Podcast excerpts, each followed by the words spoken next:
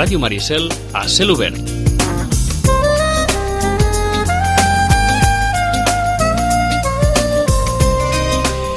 Aquesta Europa en permanent transformació que viu ara realitats, eh, eh, vaja, molt, molt, molt diferenciades, molt. I sobretot unes eleccions acabades de, de fer i veïn-se a hores d'ara. Joaquim Millan, bon dia, bona hora. Molt bon dia. Ben retrobat. Gràcies. Alemanya continua sent el motor. Bueno, bé, eh, continua sent el motor perquè, entre altres coses, eh, com deien també en algun moment donat durant aquesta campanya electoral que han tingut, eh, malgrat no ens agradi, seguim liderant Europa i malgrat no els agradi, després de les eleccions tothom parla del resultat alemany per veure cap on anirem. Per tant, és una situació de, de, de, també una mica contradictòria, no? Vull dir, de, de, estem liderant, eh, perquè en aquests moments doncs, eh, bueno, hem assumit aquest repte, però no, no, no, ens, no ens agrada això de, eh, que de, eh, és com això quan vas a jugar un partit de futbol dius, va, vostè és el líder guanyarà i dius, no, no, no, nosaltres és un partit més l'haurem de lluitar, doncs és una miqueta el mateix no? vull dir el que els està passant als alemanys eh, en aquests moments però és així, malgrat no els agradi eh, lideren, lideren aquesta Europa entre altres coses pel que també has esmentat no? perquè en un moment donat doncs, eh, hi, ha hagut, hi ha la senyora Angela Merkel que que també pel seu carisma, eh, vull dir, aquest lideratge pacífic, mm. tranquil, que en aquests moments eh, ens té acostumats ja, perquè tampoc hi ha un altre contrapunt a nivell europeu, no hi ha un lideratge que també hem donat pugui o sumar-se i poder mm, modificar algunes tesis de les als quals ens tenen acostumats o inclús pues, contraposar això que tant s'ha dit, no? que tanta austeritat al final, eh? vull dir, no sabem on, on ens portarà, no? però bueno, és la realitat, no? Ara veurem també, com també m'ho deies tu, eh, finalment, eh, qui es casarà amb ella per fer govern, no?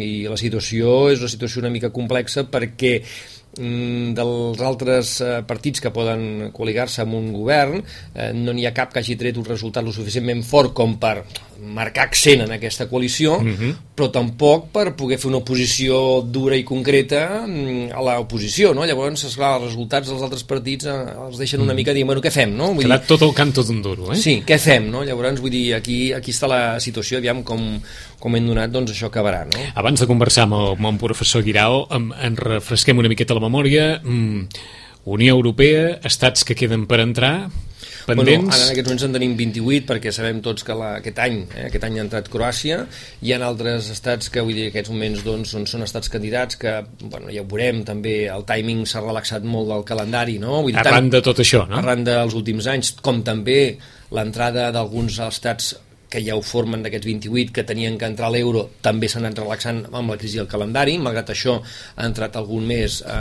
en la zona euro que diem però la cosa s'ha relaxat molt eh, justament també per l'època que estem passant perquè bueno, s'han de també resoldre uns problemes intents que s'han generat a la Unió Europea com per exemple hem donat doncs, amb aquesta crisi veure com es prenien unes decisions especialment en l'àmbit econòmic i financer i monetari que no estaven previstes quan es va mm, agafar i dir mm -hmm. tindrem un banc central europeu tindrem la moneda única, etc. Bueno, aquestes coses ja les parlarem quan toqui i clar, arriba la crisi i les hem tingut que parlar corrents que això una mica és una mica el que també moment donat hem criticat, a vegades que alentit eh, ha sigut un procés al principi, al principi d'aquesta crisi, justament perquè no hi havia aquestes eines eh, ni aquesta metodologia de treball a nivell, eh, un, a nivell europeu, doncs alentit pres les decisions que eren necessàries quan mm -hmm. tenies una moneda única i que no tothom podia anar fent la política econòmica que li donés la gana, no? i a partir d'aquí doncs, jo penso que amb aquesta crisi hem après no sé si hem après suficient com perquè no torni a passar d'acord, eh? fins on ens puguis explicar eh, eh, perquè suposo que també durant aquest estiu en, en tots els seminaris o en, en totes les reunions, en totes les converses que ha pogut tenir Joaquim Millan amb altres persones que es mouen a l'àmbit de, dels moviments europeus eh, aquest encaix d'Europa eh, dins, dins la nova realitat de Catalunya o de Catalunya dins l'Europa de, mm, mm. eh, del futur i una, i una qüestió molt bàsica.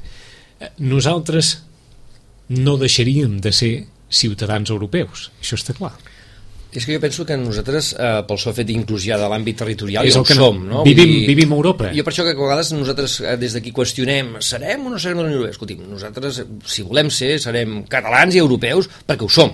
Punto i final. Llavors és, el problema el tenen ells, és a dir, escolta, nosaltres volem ser catalans i europeus. A partir d'aquí, mm, quines, quines uh, vies vostès ens ofereixen T'ho preguntant perquè és una qüestió així de futur, un, no? un, un, un punt filosòfic no? no podrem deixar de ser ciutadans d'Europa perquè vivim a Europa això és així L'altra cosa és altre... el context legal que pel sol fet d'estar dins la Unió Europea, Exacte. quan hi parlem de ciutadania europea, té uns contextes político-institucionals i jurídics, no? Però si ciutadans europeus, és, és clar, pel fet que estem al continent ja ho som, no? Sense això, no? I jo penso que... Que no sé si podem anar molt lluny, eh? No, només dient això, Bueno, però... jo però... crec que avui en dia, sense aliances internacionals i mundials, és difícil anar sol, no?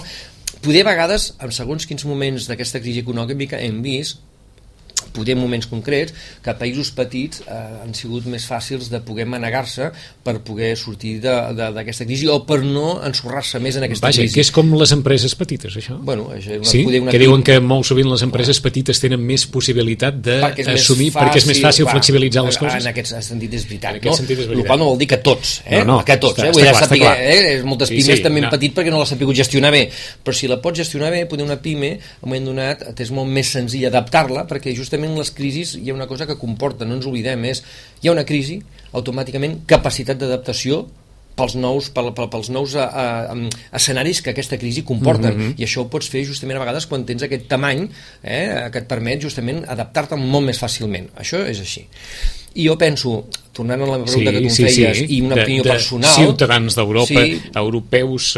a mi, una, a mi hi ha una cosa que personalment, eh, amb els anys que porto, eh, no hem de, de deixar de banda de que poder eh, hem d'entendre que la Unió Europea mm, eh, la coneixem tal com la coneixem perquè la Unió Europea està en constant evolució i, i en constant moviment i es va adaptant a les coses que van sorgint no? i fa 10 anys eh, tindrem, bueno 10 no, però fa 15 tindrem l'euro, ui, ui, ui, ui, ja fa 10 anys, ara 11 que el tenim, eh? ningú ho hagués dit per tant, jo penso que la Unió Europea s'adaptarà, és a dir, si moment donat hi ha un canvi que poder, la gent no vol canvis justament en el context de crisi actual, diu, hòstia, més ens falta això, però jo penso que si això s'arriba a produir, jo crec que la Unió Europea bueno, buscarà la solució, entre altres coses perquè com que això no es produeix un dia per l'altre, en la mesura que tu vagis vent que es vagi produint, ja s'encetaran negociacions per veure què passa. D'acord. Ho dius en el sentit, Joaquim, de, des del punt de vista de l'experiència, que un organisme internacional, una institució internacional, o els responsables d'un organisme com Sí, o de clar. les institucions europees Mm. No, no, no agafaran porta i, i patada i passiu No, bé, que sinó no- que faran alguna cosa pels Clar, ciutadans perquè, d'on sigui. Tenim aquí un territori que fins ara ho Eh, era de la Unió Europea, manera, pot ser altra un manera. territori dinàmic i suficientment Eh. interessant i important per no menys tenir-lo, un territori que haurem de buscar de quina manera encaixem a la Unió Europea, doncs amb un tractat preferencial, sent país candidat durant una temporada... És interessant tant- això perquè tothom Clar. sap que passarà alguna cosa, eh? Sí, però clar. ningú pot garantir que passarà. Que, que jurídicament Hem- el dia després segurament estarem fora de la Unió Europea, bueno, ja ho veurem, però podria ser, sí. Sí, sí. Això, Això- que això, això pot no- ser. això no el cas però que això no vol dir que et diguis Sí. que quedis fora in seculo in seculorum, D'acord, eh? d'acord.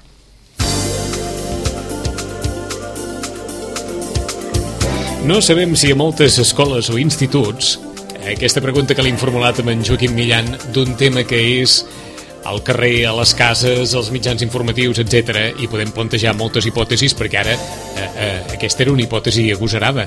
En l'hipotètic cas que Catalunya arribés a decidir que fos independent en el futur i en l'hipotètic cas que aquesta independència fos possible i assolible i aconseguida, què faria la Unió Europea? Aleshores, ens agafarien recentment el que va dir Joaquín Almunia, després les institucions europees van parlar precisament del que deia ara en Joaquim Millan, d'aquestes altres possibilitats de estic dins però mig dins, eh, puc tenir l'euro però no acabar d'allò, totes aquestes situacions. No sabem si, repetim, a moltes classes d'escoles o instituts aquesta podria ser una pregunta que, que es pugui formular. A l'altre costat del fil telefònic saludem al professor Fernando Guirao. El professor Guirao és llicenciat en Filosofia i Lletres per la Universitat Autònoma de Madrid i doctor en Història i Civilització per l'Institut Universitari Europeu de Florència. Un currículum d'aquells eh, llarguíssims, però fonamentalment eh, ens interessarà molt saber la seva opinió sobre aquesta Europa que no para mai de canviar i que des d'un punt de vista eh, dels llibres d'història seria per anar afegint pàgines i cada dia afegint pàgines i afegint pàgines. Professor Guirao, buenos días. Hola, bon dia, buenos días. Buenos días. En català ho m'enteneu perfectament? Ho Perfecte. puc entendre perfectament, Caram, cap problema. no només entendre, sinó que ho parleu d'allò més bé, eh? eh ho dèiem perquè és nascut a Granada, eh, el, Soc el, nascut a el, professor, professor Guirau. A aquesta Europa li estan passant moltes coses, no? Moltes, moltes coses, sí, sí, sí. Ma, eh, eh, massa coses com per pair-les, així de... li estan passant moltes coses i és natural que li passin coses perquè el món està canviant i Europa s'ha d'ajustar a un món que està canviant i per tant vol dir que, que Europa ha d'estar fent coses i, i ha de passar crisis perquè aquest crisi serveixi una miqueta per millorar, canviar, millorar, adaptar-se a, a reptes futurs.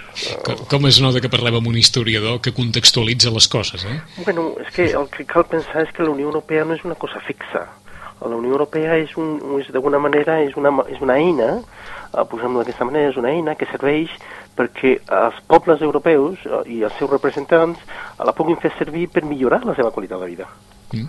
Eh, és això, no, no és una altra cosa, no és, no és un fi en si mateix, no és una cosa que estigui estàtica, sinó que s'ha d'estar de, contínuament en moviment, i si no es mou, malament. Ara ens agafem el que acabeu de dir, però molts deuen pensar, home, està clar que està plantejat tot plegat per millorar la nostra qualitat de vida, sí, sí. però estem ara en un procés, què, d'involució, de regressió? No, no, no, no, no, no, no, no, estem en un procés, de, estem en un procés en el que ens confrontem a un, un, un munt de problemes, problemes que no venen provocats per la Unió Europea, no venen provocats per la Unió Europea. Bona part d'aquests problemes són problemes que tenen uh, un, un, un arrel endogen, i la Unió Europea el que està intentant és uh, trobar maneres de poder ajudar aquests que no han sapigut gestionar bé la seva, el seu passat. Uh, per tant, la situació de Catalunya, la situació del poble espanyol, la situació de molts pobles europeus seria significativament pitjor fora de la Unió Europea. Nosaltres sempre pensem que estem malament. Uh, L'escenari possible és estar encara pitjor si estiguéssim fora de la Unió Europea. La Unió Europea ens està donant eines, està ajudant uh, mecanismes que ens ajuden una mica. El que, el que passa és que òbviament tots voldríem més ajuda, o, o, o, perquè ens trobem malament i voldríem encara més ajuda. Però... Matiseu-nos una mica, sí, sí, sí. Uh, en el sentit de mm, sou un historiador europeista? Perdoni? Si sou un historiador europeista, ah, sí. pro-europeista, sí, convençut. Completament. Convençut. En una època en què no sabem si al carrer hi ha cada vegada menys convençuts de l'opció europeista o no. Bueno, el, el, el tema està bàsicament en que abans el que teníem era un excés de confiança sense fonaments en la Unió Europea. Mm. Uh, hi havia aquest, aquest europeisme, era un europeisme molt feble, un europeisme d'alguna manera molt, um, molt de benefici. Jo me'n beneficio i per tant sóc europeista sí. sense una anàlisi consistent verament del que no només el que la Unió Europea podia fer per nosaltres, sinó també el que nosaltres podem fer per la Unió Europea pensem que la Unió Europea, la, la part més interessant de la Unió Europea és el futur, sempre ha sigut el futur. Mai el present o el passat, sempre ha sigut el futur. I això cal entendre. Cal entendre que, que, que, que plegats som molt més forts i que podem, en un moment específic, per una pataleta específica, dir, escolti una cosa, miri, jo això a la Unió Europea, mmm, fora. Bueno, mm, al final, el futur t'atraparà i estaràs pitjor. Eh, de tota manera, mmm, iniciàvem aquesta conversa apel·lant a la qüestió de la qualitat de vida, sí. la Unió Europea s'ha fonamentat, o alguns dels valors de la Unió Europea s'han fonamentat en un model de qualitat de vida per als seus ciutadans, en un model de benestar, eh, portat gairebé, no direm que fins a les últimes conseqüències, però poc equiparable a la resta del món si mirem eh, en aquest cas cap a, cap a Orient i mirem cap a la Xina no és un model equiparable si mirem encara més cap a Occident i anem als Estats Units tampoc un model sanitari un model d'assistència social és equiparable al que la Unió Europea té com a un dels seus valors fonamentals ara bé, el context actual eh, pot posar aquest model eh, en, en risc, no? Bueno, el que tenim és que el, el, el model, eh, eh, tal com el tenien definit, no era sostenible per als nostres mitjans. Uh, L'estat de benestar uh, es, va, es va generar en un moment específic com una pota més del que era un conjunt d'acords. Eh, L'estat de benestar se, venia d'alguna manera acompanyat del que eren unes polítiques de productivitat i també unes polítiques socials i, de, i, de, i industrials molt específiques.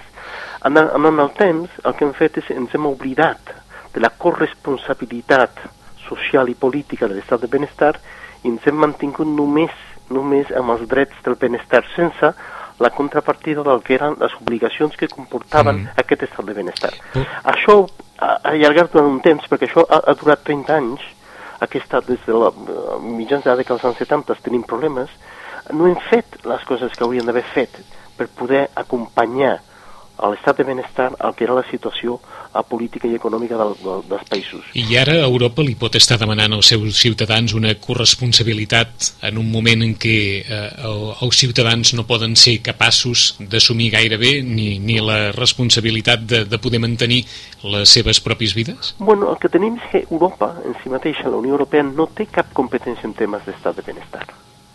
Europa no té competència en aquest àmbit. Aquest és un àmbit estricte, estrictament uh, nacional, estrictament nacional, local. De cada estat de la Unió Europea. De cada estat de la Unió Europea. Per tant, la Unió Europea el que fa és dona, el que fa és dona un instrument perquè aquests països es puguin ajudar a si mateixos per tal de mantenir i sostenir l'estat de benestar o les condicions que puguin ser capaços de mantenir aquest estat de benestar. Pensi que els nivells de benestar, els nivells de, per exemple, d'educació sanitària, sí, sí, sí, etc., sí. en cadascun dels països és molt diferent és molt diferent, sempre ha sigut molt diferent, perquè és una competència estrictament nacional. I el sosteniment de l'estat de benestar és una competència estrictament nacional. I com reformes i com mantens l'estat de benestar és una competència estrictament nacional. Per tant, jo crec que aquí el que estem, el que estem fent és, és que estem um, atribuint responsabilitats a la Unió Europea que no li corresponen, que no li pertoquen. D'acord. I aleshores el que de fer és molt més crítics amb el nostre, amb el nostre sistema, institucional que amb la Unió Europea. Mm. Tornem al punt de partida. Mm. No sé si ara a les classes, als instituts, eh, la gent jove a qui pugui arribar a aquest programa del qual en, en parlem amb el professor Guirau, aquest programa d'ensenyar de, eh, Europa a les mm. escoles i instituts, poden tenir com a primera pregunta aquesta de bé, i què pot passar amb Catalunya dins de la Unió Europea o què pot passar amb l'estat espanyol dins de la Unió Europea si Catalunya decideix alguna cosa i què ens pot passar a nosaltres com a ciutadans si es decideix alguna cosa i la Unió Europea en pensa una altra. Eh, aquesta pot ser una, no sé si dir que per la conjuntura actual que vivim, una de les qüestions més recurrents que es pot posar sobre la taula, no? Òbviament, sí. Òbviament, no? Sí, deixa'm aclarir només una sí, coseta, perquè jo crec que és interessant. És el fet que um, el, el, les jornades aquelles, uh, ensenyar Europa a les aules de secundària, secundària que, sí. que comencen, que comencen eh, avui a la Universitat Pompeu Fabra, uh -huh. són jornades que es van planificar i organitzar molt abans de tot aquest tema, molt abans de tot aquest tema. El que passa és que ara, clar, aquest és un tema fonamental i aquest és un tema que estarà en totes les aules de secundària, sí, òbviament. Per què? Perquè, perquè la societat l'ha posat en, prim, en, en primera línia, no?, de debat, sí. no? Aleshores, jo el, jo que, hi ha, que hi ha, perdoneu-me, professor, que hi ha un marc legal jo el que diria... Per analitzar això, o no? O això ve de nou, per dir-ho d'alguna manera, dins... Jo, jo estic... Jo, jo he sentit una miqueta el Joaquim i Millan mm. uh, i estic completament d'acord amb ell. Um, què passa? A partir d'ara, el que sigui, uh, aquest um, necessitat d'enfortiment de la sobirania uh, de les institucions catalanes, això comporta un escenari completament nou. D'alguna manera no hi ha un cas semblant. Això us volíem preguntar. No hi ha un cas semblant? No hi ha un cas semblant. Hi ha casos que parcialment poden, ser, poden tenir algun tipus de, de, de mm. referència que podríem agafar, però no hi ha un cas equivalent a, a, a aquest. D'acord. Uh, per tant, estem en terra innota. Vaja, estem, estem, nota. estem als llims, Sí, estem professor. en terra innota. Vol dir que aleshores què passa? El que passa amb això és que, d'una banda, el que cal és molt, primer de tot, uh, confirmar, reafirmar sempre que Catalunya Catalunya vol ser membre de la Unió Europea. Se sent europea, l'europeisme ha sigut una component essencial des del primer dia del, del, del catalanisme polític, des del primer dia, és consubstancial, és, és, és, la és l'altra part d'alguna la, de, de, manera de la moneda del catalanisme polític. Uh, això és, és fonamental. Després el que cal és molta conversa molta conversa, molta negociació, perquè si Catalunya esdevé independent, això no és d'avui per demà. Això és un procés molt llarg, molt llarg, de negociacions amb múltiples bandes no només amb Madrid, sinó també amb Brussel·les, també amb la, amb la societat internacional. Aquest és un procés molt, molt, molt, molt Com llarg. que sou historiador, el molt llarg d'un historiador què poden ser? 5 anys, 10 anys? No, no, pot ser, pot ser 5 anys, pot ser 50 anys, pot ser, pot ser molt... Perquè al final és que... Que us, que us escolti i tingui la intenció no, no, no, perquè... pensarà, què diu aquesta mare? 50 no, anys clar, encara? No, perquè el, el tema està fonamentalment el, el, que és... Quan nosaltres decidim això d'una de la, de, de, de Catalunya independent, sí. això vol, pot, pot dir moltes coses molt diferents. Pot dir una Catalunya independent que sigui cultural i financerament soberana dins del regne d'Espanya, per exemple. No trencaríem el que és el, el, el regne d'Espanya, però, nosaltres, però Catalunya seria totalment soberana, soberana en temes culturals o en temes identitaris o en temes, de, en temes fiscals, per exemple. Mm. Bueno, això ja és un, és un recorregut molt llarg, això, eh? Per exemple, i, i no caldria, per exemple, trencar el que podria ser un, una institució que és l'Estat, el, el, el regne d'Espanya, que és la que forma part de la Unió Europea, per exemple. Mm. Podem fer negociacions que siguin unes negociacions d'independència d'Espanya para, en, en paral·lel al que és un procés d'adhesió a la Unió Europea, de manera que en un moment específic una república catalana signi la seva Constitució a la mateixa hora que està signant el Tractat d'Adhesió a la Unió Europea. Uh, L'historiador ho veu probable, això? Podem fer moltes... Oh, l'historiador, el que, el que podria Ho, ho pregunto per si hi ha referents històrics que puguin dir, mira, hi ha estats que han fet dos processos alhora. Bueno, tenim un estat que és, és Alemanya, Alemanya es va ampliar significativament i va negociar la seva la, la incorporació de l'Alemanya Oriental Tal. Dins de la Unió Europea des del primer dia. I el moment en el qual es va fer les, la, el, el, novembre de l'any 91, a Alemanya ampliada, eh, ningú va discutir que això formava part de la Unió Europea. És clar que Alemanya és Alemanya. Bueno, però l'Alemanya ara no és l'Alemanya de l'any 91, o de l'any 90. L'Alemanya de l'any 90 feia una miqueta més de por. Com, com se'ns mengen els minuts? Una pregunta molt òbvia. Sí. Si tens diners, tot Sí. això és més fàcil que si no en tens? Uh, si tenim diners, tot això pot ser més fàcil o podria ser també innecessari. Uh, no sé si és una qüestió de diners, Vaja. eh? No sé si és una qüestió de diners, eh? És a dir, que si tens diners, molt probablement potser ja ni plantejaries A veure, determinades si, coses. si, no, si, si, si, si els catalans se sentessin molt bé, tinguessin diners, ningú, ni, uh, tinguessin sobirania cultural, poguessin definir exactament què volen fer amb la seva vida, d'alguna manera en tota la que és la vessana mm, diària, Sí, uh, vostè creu que es plantejaria el debat com s'està plantejant ara? Jo crec que no. Jo crec sincerament que no. No amb la majoria de... No en la majoria. No amb la majoria d'aquests moments que Voleu dir no, no amb aquesta No en aquesta expressió. Sempre no hi en hauria, aquesta dimensió. clar, sempre hi hauria un percentatge que estaria per la labor, però no amb la majoria que en Clar. aquests moments ens sembla que està optant per això en diverses intensitats, però que acaben coincidint amb, amb aquest procés. O sigui que si visquéssim millor no ho plantejaríem, això? Bueno, a veure, sempre hi ha hagut, sempre hi ha hagut un sector de la població que l'ha que plantejat, molt sí, legítimament. sí, sí, Això és això, està clar. El tema està en que la, la grandària que ha agafat ara, la dimensió que ha agafat ara, la importància que ha agafat ara, la, uh, l'emergència de situació que ha agafat ara, això segurament en una situació molt més confortable en, en, què, en què no tinguessin d'alguna manera aquesta pressió financera per part de, de Madrid, uh, també els problemes lingüístics amb el català i amb l'escola i tot això portant de Madrid, etc etc. jo crec que això no s'hauria no hauria arribat a la situació que ha arribat ara, crec, eh? Mm, Però... I això no li trec eh, legitimitat, eh? Ahà. Jo no, li- no li estic traient legitimitat. El que estic dient és que, és que hi ha condicionants, hi ha coses que, com diu el, el, el, perfectament el Joaquim eh, Millan, estan, eh, d'alguna manera, eh, empujan no? Sí, sí. En aquesta direcció. És a dir, hi ha un munt de processos històrics i de canvis en Clar. els països i en els estats que venen donats per l'insatisfacció de la població davant de determinades coses. Clar, clar. D'acord. Jo, jo, jo veient Sí. una mica també, tornant una Al mica... programa del curs. Al programa del curs, només dir una cosa, dic, eh, trobo molt interessant una de les coses que jo, personalment, i sé de molta gent que sempre ha reclamat, que era... Mm, fem pedagogia de la Unió Europea. No parlem de la Unió Europea, com abans deia el professor Guirau, eh, pensant que quan arribaven els diners, eh, el famós caixer automàtic es deia a Brussel·les, eh, i ara, com que no és caixer automàtic, comencem a veure que això a la Unió Europea no ens agrada, sinó que fem pedagogia realment de la Unió Europea, tant amb les èpoques bones com les dolentes, de ens interessa o no ens interessa aquesta eina, que ell molt bé deia que es deia Unió Europea, per aconseguir unes fites que poder en comú a nivell europeu serien més fàcils d'aconseguir amb, la, amb les instruments que en aquests moments tenim. No? Per tant, la meva pregunta també seria dir, mm, aquesta pedagogia eh, no s'està fent a les aules, a la, tampoc a la universitat. No? Per tant, jo trobo molt bé això de, de, la, de, la, de, la, de fer-ho a, a secundària, també possible, possiblement en primària. La pregunta directa és, no es podria, que jo sempre una de les coses que sempre he pensat, per què no el 9 de maig?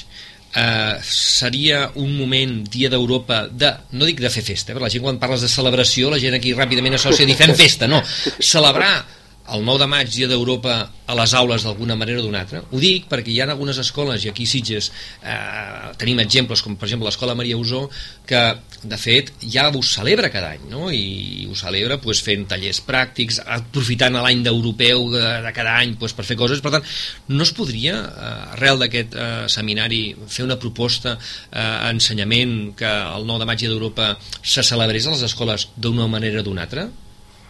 Bueno, um, hi ha moltes escoles que ho fan, eh? hi ha moltes escoles que ho fan. Per exemple, ara estava mirant, m'acaba d'arribar avui un participant que, que, que participarà en el Madajo, de l'Institut de, de Roses. De Rodes de Roses, sí. Sí, de Rodes, i, i és espectacular el fan el 9 de maig. Hi ha moltes, i a més ho fan d'una manera en tota la comarca. Um, hi, ha moltes, hi ha molts instituts que ho fan, i ho fan molt bé, i ho fan molt bé. El que alguns dels, dels, del, del professorat m'explica és que bàsicament um, hi ha un condicionant molt important, i és el condicionant del que uh, els estudiants senten i viuen a través de mitjans de comunicació, de la família i de la societat en general. Ara el missatge és un missatge molt negatiu, sense, sense, sense, sense cap tipus de, de, de matisos. És mm. molt, molt, molt negatiu. I abans, sense cap mena de matisos, era molt positiu sense reflectir d'alguna manera, sense que hi hagi d'alguna manera um, uh, profunditat en aquest, en aquest tipus de sentiments. És com molt primari, no? tant el que era positiu com que ara és negatiu. Penseu que uh, Espanya és el país que ha passat d'un nivell de satisfacció més elevada a un nivell de satisfacció menys um, uh, pitjor. Mm -hmm. el, el, el, el, el tram que hem recorregut és el més ample de tota la Unió Europea. Tot i que probablement deu ser en tots els àmbits això, eh? Sí, sí, està passant a tots. Bé, vull dir, de la satisfacció a la insatisfacció, allò que només hi ha un pas, deu haver succeït en la Unió Europea, en l'àmbit institucional, en l'àmbit estatal, en l'àmbit provincial, en l'àmbit... en tots els àmbits, no? Sí, efectivament, uh -huh. però, però el, el, el, punt, el, el punt que havíem arribat nosaltres de satisfacció era tan absolutament elevat uh -huh. que jo crec que era molt, molt acrític no, no era crític. I, i, I cal ser crítics, i cal ser crítics en els moments dolents i en els moments bons.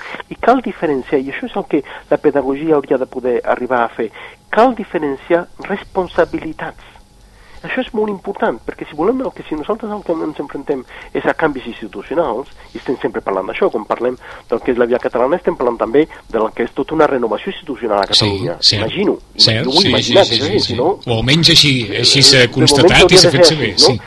Tot el, totes les estats europeus estan fent això, la Unió Europea també està fent tot aquest tipus de, de reflexions. El que caldria d'alguna manera és intentar saber perfectament qui, qui, què palo ha d'aguantar la seva responsabilitat. Mm. I el que fem normalment, i això, i aquí hi ha una intencionalitat, jo crec que és molt important per part del govern, és que quan les coses van bé, la responsabilitat és pròpia, i quan les coses van malament, el que fem és traslladar responsabilitat fora de les nostres fronteres. Uh, no tenim gaire temps per més, però sí per una qüestió, una, una pregunta d'aquelles molt, molt òbvia. Um, si haguéssiu de valorar el nivell de coneixement ja no diré la realitat europea d'Europa en general, que poden tenir els, els estudiants de, de la seva història, de la, de la seva realitat, del que vivim, com, com el valoraríeu, a quin nivell ho posaríeu? Jo, sent molt generós seria un aprovat raspat. Sent molt generós? Sent molt generós, sí. sent molt generós seria un aprovat raspat. Sí. Això suposo que també condiciona tota la resta, no? Jo crec que sí jo crec que és un problema de formació. Sí. És un problema de formació. Hi ha, un problema, hi ha un problema de formació. Hi ha un problema de formació. Ho deixem... De... A, a, a, això ens obriria ara un altre, un altre debat que segurament mantindrem en un, en un altre moment amb el professor Fernando Guirau. Professor Guirau, moltes gràcies per estar aquí amb nosaltres. Moltes gràcies, Fernando. Ens veiem aviat. Fins la propera. Adéu-siau. Sí, gràcies, adéu.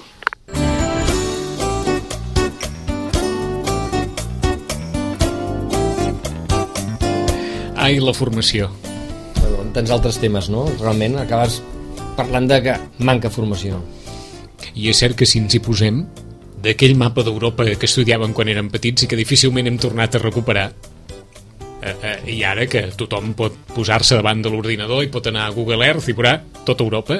I, bueno, allò d'abans què diu l'enciclopèdia ah, què diu Google, no? Exacte. Però tot i així és evident que mm, hi ha una manca d'interès. No, per un tema que jo penso que, per exemple... És que no trobem ningú que no ho digui. No, exacte. Però, Perquè em, em sembla que en totes les entrevistes que hem arribat a fer, clar, tothom acaba patant. Uh, jo a vegades penso que només és en temes d'Europa i, i desgraciadament no, perquè si només fos en temes d'Europa diria, bueno, tenim un problema aquí. Sí, sí, Però sí. el tema de la formació és en tants altres temes que és el que a mi m'entristeix, no? És a dir, el coneixement de la realitat europea o de la història, o en defin... és un coneixement com ho he dit això, un aprovat raspat sent molt generós. Sent molt generós. Ha dit eh? el professor eh, Fernando Guirau, com us dèiem, que no és, eh, com acostuma a passar amb els convidats que ens porta en, en Joaquim, no és cap qualsevol. Eh? Hi ha aquí un, un currículum d'aquells i han vist que a l'hora d'explicar-se no, s'explica d'una forma ben planera. és un crac. Eh, és, doncs, per descomptat que ens quedem amb aquesta opinió. I d'aquí uns moments saludarem Uh, Sergi Barrera. Sergi Barrera és llicenciat en periodisme per, per l'Autònoma i és el cap de premsa de l'oficina del Parlament Europeu a Barcelona des del mes de setembre de l'any 2008. Anteriorment també havia estat cap de premsa a la Secretaria per a la Unió Europea a la Generalitat de Catalunya i tècnic en integració europea a l'Ajuntament de Sitges. Doncs bé, uh, uh, estem parlant de fa... Uns quants anys. Uns quants sí, anys, uns eh? quants anys, eh? El primer govern... De quan es va fer aquella campanya... Sí, del primer govern d'en Pere Junyent. D'acord, vam... de quan es va fer la campanya de l'euro en alguns establiments exacte, i tot això. Exacte, d'aquella època. Pensava sí, que ens sona d'alguna cosa i no... Bueno, el vam fitxar de la universitat, llavors va vindre amb un conveni que aleshores es podia fer amb l'Institut d'Estudis Europeus de la Universitat Autònoma de Barcelona, que oferia la possibilitat de fer convenis, oferir tècnics als ajuntaments per intentar...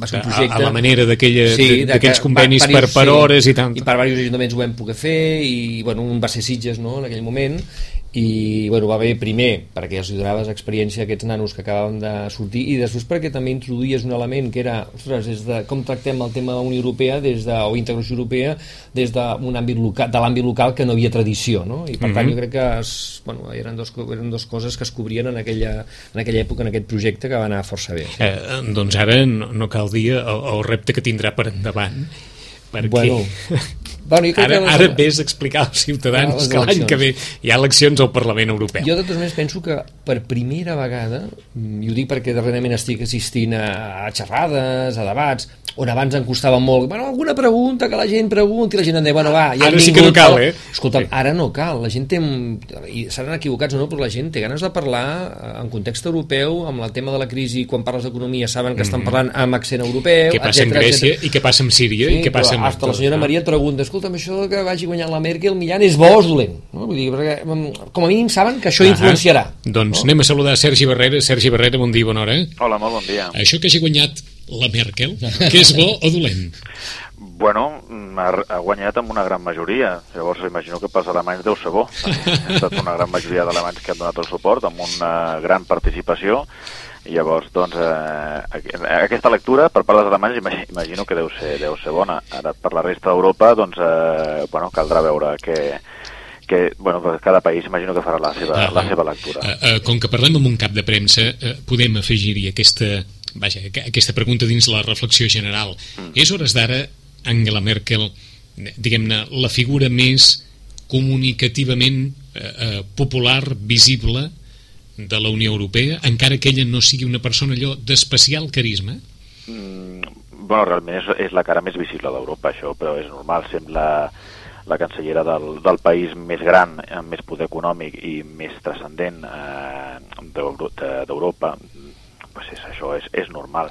Eh, comunicativament pues, podríem tenir altres referents eh, durant els últims anys, eh, per exemple el Sarkozy. Sí, és que ho, comunicativament ho comentàvem abans, però Sarkozy, eh, eh, esclar, amb la marxa de Sarkozy, diguem-ne que França ha perdut el pes específic des, de, des del punt de vista de- d'allò. Veiem Merkel, Sarkozy, Sarkozy, Merkel, i ara no veiem Merkel Hollande, els veiem de tant en tant, però no és un binomi tan present en els mitjans com era el Merkel-Sarkozy, no? Totalment d'acord, això també deu tenir a veure bastant en que siguin de famílies polítiques diferents. D'acord. Llavors sí que hi havia un intent eh, molt clara entre Merkel i Sarkozy i amb, eh, en el cas de l'Hollande pues, sembla ser que no és tan, eh, tan evident i sí que és veritat que el Sarkozy era una màquina de comunicació això independentment de, la, de les seves polítiques, uh. -huh. cadascú estarà d'acord o en contra, però sí que a nivell comunicatiu era, aquest senyor era, era molt, molt, molt bo. Eh, fins a quin punt això és important o és un condicionant a l'hora, per exemple, de, de poder plantejar, eh, estem parlant amb el cap de premsa de l'Oficina del Parlament Europeu a Barcelona, l'any que ve hi ha eleccions al Parlament Europeu, s'haurà de fer difusió de tot això,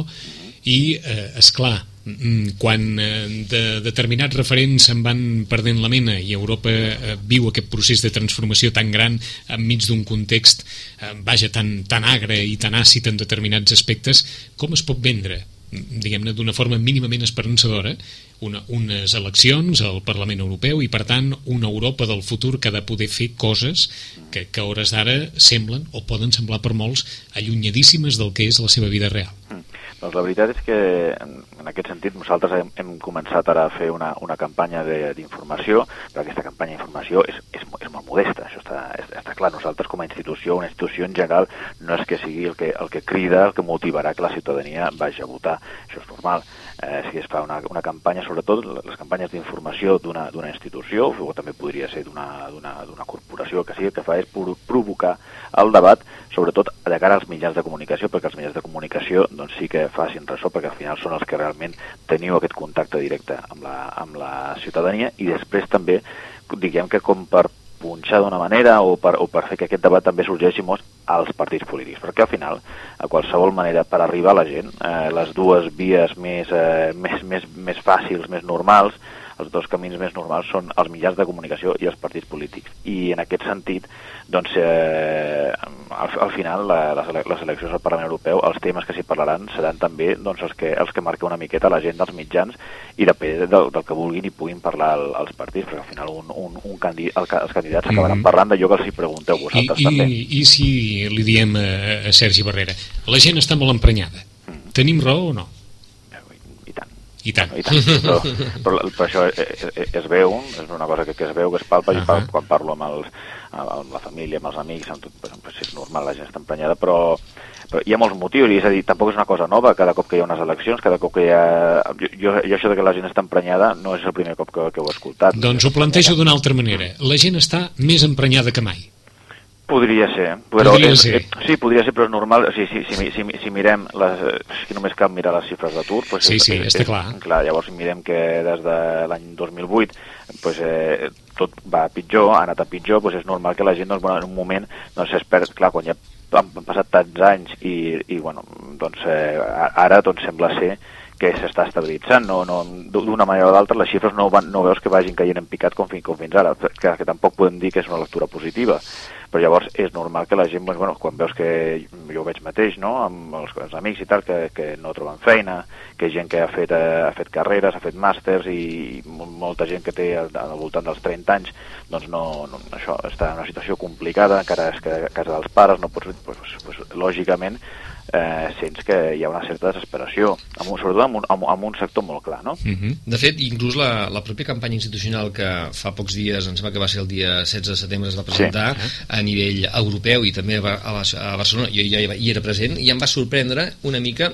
l'eslògan que va una mica amb la línia que, que molt bé tu, Vicenç, parlaves de estem emprenyats en aquests moments perquè justament l'eslògan és acció, reacció, decisió, no? Eh, està aquest eslògan pensat justament amb el context de que la gent en aquests moments està emprenyada, no només aquí, sinó que sembla que a nivell europeu hi ha una mica, emprenya, una, una mica emprenyament de, de la situació com està s'està produint aquesta crisi? Aquest, aquest lema està, està pensat de, perquè, perquè la gent prengui part, perquè la gent intenti fer-s'ho seu i dir, bueno, si les coses poden, poden continuar de la mateixa manera, perquè lògicament eh, hi, ha, hi ha països on està anat realment molt bé i també hi haurà sectors dins de, dins de, de Catalunya, on també estarà anant molt bé, o sigui, això hem de ser conscients. Llavors, la gent ha de ser, ser conscient de que, mm, depenent del seu vot, pues, es faran unes polítiques enfocades cap a un cantó o, o, cap, a, o cap a un altre. Llavors, eh, aquest eslògan sí que està mm, pensat en això, no? Dir, bueno, acció, reacció, decisió, és a dir, bueno, depenent del que, del que cadascú doncs, vagi eh, la seva opinió a les urnes, doncs eh, les polítiques europees dels propers 5 anys aniran cap a una manera o cap a l'altra. Eh, trenquem un tòpic, doncs aquells que puguin pensar, escolta'm, mm. votis el que votis, manarà Merkel? Eh, no és cert això de que manarà Merkel. És cert que és el país més important, eh, però que, és que està clar...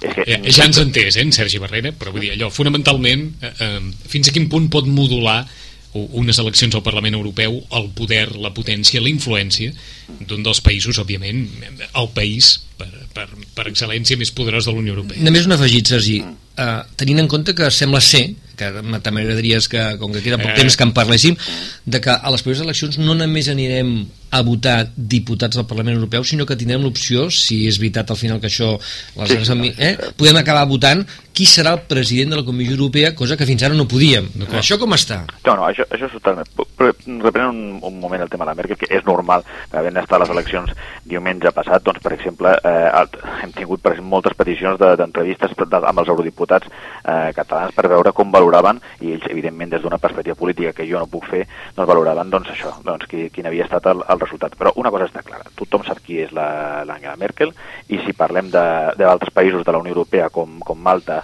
eh, Xipre, Suècia, etc, difícilment la gent sabria el nom de, dels seus primers ministres, però és normal i això dona, don, és clar, un exemple clar de que, mm -hmm. de que és un país molt important. Ara sobre l'altra qüestió, ràpidament, sí. la de possibilitat de poder escollir tu, també... Ho dic perquè Ara. això sí, no és el mateix tenir una Merkel forta sí, sí. amb un Barroso que no l'hem votat, a una Merkel forta però un president de la Comissió Europea que sí que hem votat. Mm -hmm. Hi haurà possibilitat Llavors, o no? el que, i reprenent el tema de la importància de la comunicació, per primer cop tindrem, aquestes eleccions són diferents perquè tindrem una cara, llavors, eh, una cara de qui serà el president de la, de la comissió. A banda dels candidats que nosaltres doncs, anem veient els, els pòsters que anem veient doncs, a, a Sitges, a Barcelona, on sigui, doncs també tindrem la cara del candidat, però també tindrem la cara del qui serà el candidat a presidir la Comissió Europea. Doncs de moment ho deixem aquí, li agraïm a Sergi Barrera i ja ens ha quedat, vaja, eh, avui tenim un dia de converses pendents, les hem fet, sí. les hem fet totes a mitja. Eh? I més ens ha passat el seu primer passat... programa, eh, després de l'estiu ens ha passat ràpid. Sergi Barrera, i tornarem. I tornarem, Sergi. I tornarem. Gràcies per Moltes tot. Eh? Gràcies, una abraçada. Joaquim, gràcies a tu també. A vosaltres. Són les 11 en 5 minuts, tornem.